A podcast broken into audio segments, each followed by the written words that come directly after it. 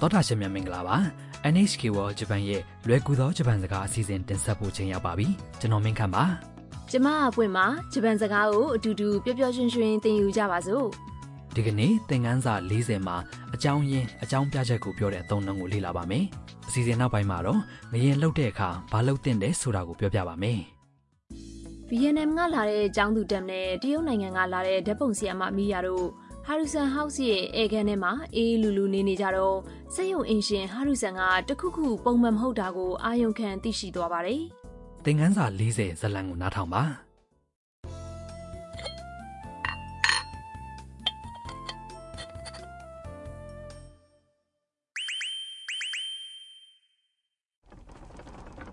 あ揺れてる地震助けて落ち着いてください大丈夫ですよほらもう収まった初めてだったからびっくりしました ဝကြတစ်ကြောင်ချင်းကြည့်ပါမယ် ဟာရူဆန်ရဲ့ဘားနှစ်ဘက်ကအပြာရောင်မီးလင်းသွားတဲ့အချိန်မှာပဲငလျင်လှုပ်တာကိုမီးရတီးလိုက်ပါတယ် あ揺れてる ဟာလှုပ်နေတယ် ဒမ်ကអော်လိုက်ပါတယ် 地震助けて ငရင်ကြကြပါအောင် ဟာရူဆန်ကဒမ်ကိုစိတ်အေးအေးထားဖို့ပြောပါတယ် 落ち着いてください စိတ်အေးအေးထားပါ 大丈夫ですよ အဆင်ပြေပါတယ် လှုပ်တာငြိမ်သွားတော့မီးရကဒမ်ကိုလှမ်းပြောပါတယ် ほら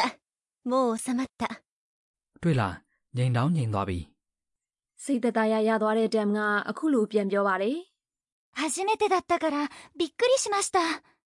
ပထမဆုံးမို့လို့လန့်သွားပါတယ် ။တမ်ထွက်တော့ပထမဆုံးကြုံမှုတဲ့ငလျင်ပေါ့နော် ဟုတ်တယ်ငရင်အသေးစားဆိုပေမဲ့လည်းငရင်လှုပ်လေလှုပ်ထမရှိတဲ့နိုင်ငံတွေကလာတဲ့သူတွေအတွက်တော့ထိတ်လန့်စရာပါပဲ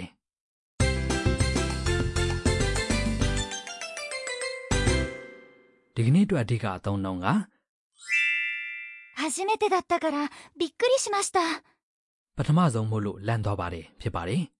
ဒီပုံစံကိုမှတ်မိသွားပြီဆိုရင်အကြောင်းပြချက်ကိုပြောပြတတ်သွားပြီဖြစ်ပါတယ်အတိပ္ပယ်တွေကိုကြည့်ပါမယ် 初めてだった ဆိုတာပထမဆုံးဖြစ်တယ်လို့အတိပ္ပယ်ရပါတယ် びっくりしました ဆိုတာ びっくりする လန့်တယ်ဆိုတဲ့ကရိယာရဲ့ရင်းရင်ချင်းချင်းပြောတဲ့အတိတ်ကာလပုံစံဖြစ်ပါတယ်။ဒီကနေ့အတွက်အဓိကအချက်ပါအကြောင်းပြချက်ကိုဖော်ပြတဲ့အခါ から ဆိုတဲ့စကားဆက်တံပန်ဒကိုတုံးရပါတယ် ။ဒီဇလန်မှာတမ်ကပထမဆုံးမို့လို့လန့်သွားတာဆိုပြီးသူထိတ်လန့်သွားရတဲ့အကြောင်းရင်းကိုရှင်းပြတာနော် ။ဟုတ်တယ်ပထမဆုံးဖြစ်တဲ့ 初めてだった ကို から နဲ့ဆက်လိုက်ရင် 初めてだったから ပထမဆုံးမို့လို့ဆိုတဲ့အကြောင်းပြချက်ဖြစ်သွားပါတယ် ။ဟာဂျီမက်တဲ့ဒတ်တာနဲ့ဟာဂျီမက်တဲ့ဒက်တာကဘာကွာလဲဟင် ။အတိပ္ပယ်ကတော့အတူတူပါပဲ 初めてでした ။ကရင်းရင်ချင်းချင်းပြောတဲ့ပုံစံဖြစ်ပြီး 初めてだった ကရိုးရိုးပြောတဲ့တာမန်ပုံစံဖြစ်ပါတယ်။အကြောင်းပြချက်ကိုပြောဖို့ から နဲ့ဆက်တဲ့အခါတာမန်ပုံစံသုံးတာကပိုပြီးသဘာဝကျပါတယ် ။တာမန်ပုံစံဆိုတာက です ။တွေ ます တွေမပါတဲ့ပုံစံပါ です ။ရဲ့အတိတ်ကာလပုံစံက でした သူ့ရဲ့တာမန်ပုံစံက だった ဖြစ်ပါတယ် တရာရှင်တို့နားထောင်ပြီးလိုက်ပြောကြည့်ပါ 初めてだったから初めてだったからびっくりしました初めてだったからびっくりしました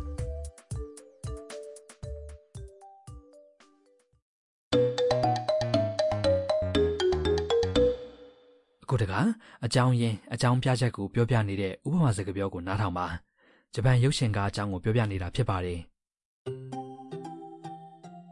その映画面白かったですか話が難しかったからよくわかりませんでした ။အတိတ်ဘယ်တွေကိုကြည့်ပါမယ် その映画面白かったですか ။အဲ့ဒီရုပ်ရှင်စိတ်ဝင်စားစရာကောင်းသလား その映画 ။ဆိုတာအဲ့ဒီရုပ်ရှင် 面白かった ဆိုတာဤနာမဝိသေသနာဖြစ်တယ် 面白い စိတ်ဝင်စားစရာကောင်းတယ်ရဲ့အတိတ်ကာလပုံစံဖြစ်ပါတယ် ですか ကတော့ရင်းရင်ကြည်ကြည်ပြောတဲ့မေခွန်းပုံစံဖြစ်ပါတယ်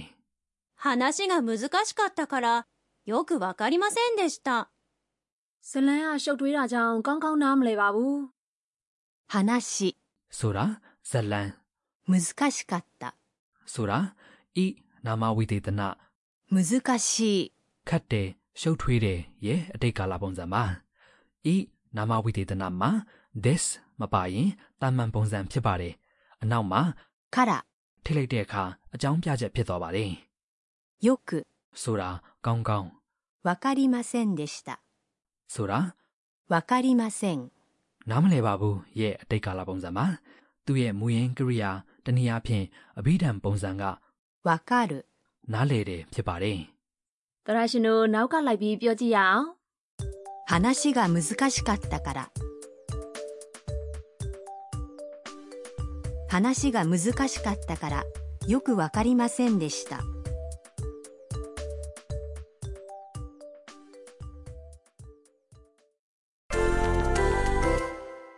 တခြားဥပမာနဲ့အကြောင်းပြချက်ပြောပြတာလေ့ကျင့်ကြည့်ရအောင်ဒီကနေ့ပင်လယ်ကမ်းခြေသွားဖို့စီစဉ်ထားပေမဲ့မိုးရွာလို့မသွားဖြစ်ဘူးဆိုပါစို့မိုးရွာတာကြောင့်မသွားပါဘူးဆိုတာကိုပြောကြည့်ရအောင်မိုးက 雨、 မိုးရွာတယ်ရဲ့တာမန်ပုံစံက 雨だった。雨だった。 ဖြစ်ပါတယ်မသွားပါဘူးက 行きませんでした。行きませんでした。 ပါပြောကြည့်ပါခင်ဗျာ 雨だったから行きませんでした雨だったから行きませんでした တရရှင်တို့ပြောလို့ရကြရဲ့လား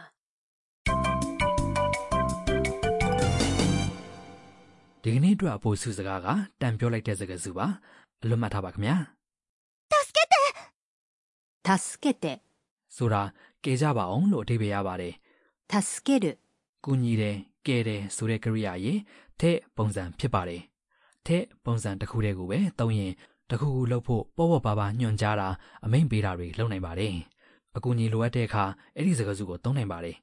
တခုံးနဲ့တွေ့တဲ့အခါမျိုးနေမကောင်းလို့ထိခိုက်ဒဏ်ရာရလို့မလှုပ်ရှားနိုင်တဲ့အခါမျိုးတွေလိုအခက်တွေ့တာကြောင့်လူတွေကိုအကူအညီတောင်းတဲ့အခါလွယ်လွယ်သုံးတဲ့အသုံးအနှုန်းဖြစ်ပါတယ်အရေးပေါ်ချိန်မျိုးတွက်မှတ်ထားပါ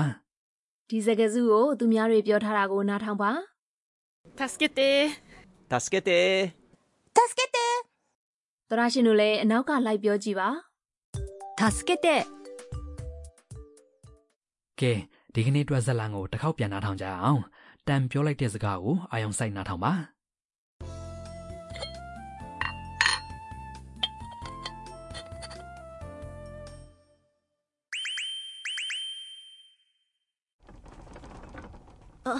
揺れてる地震助けて落ち着いてください大丈夫ですよほらもう収まった初めてだったからびっくりしましたはるさんの知恵袋 အခုတော့ဟာရီဆန်ရဲ့ဘ ഹു တုဒ္ဒဟင်းလေးအိုးကဏ္ဍပါ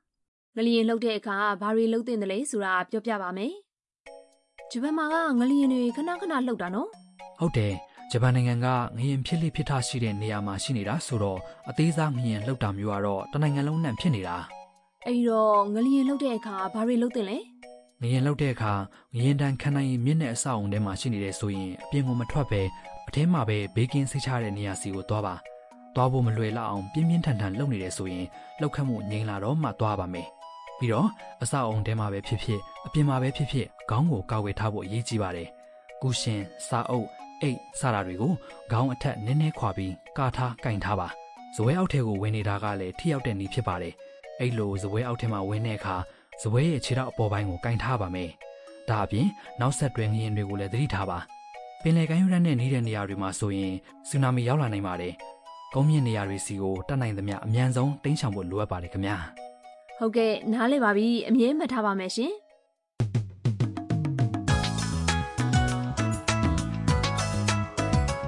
တောတာရှင်တို့ဒီကနေ့ရဲ့လွယ်ကူသောဂျပန်စကားအစီအစဉ်ကိုနှစ်သက်ကြမယ်ထင်ပါတယ် နောက်တစ်ပတ်မှာတော့မီးယာကသတင်းထုတစ်ခုကိုတွေ့သွားပါမယ်နောက်တစ်ပတ်မှာပြန်ဆောင်ကြမယ်နော်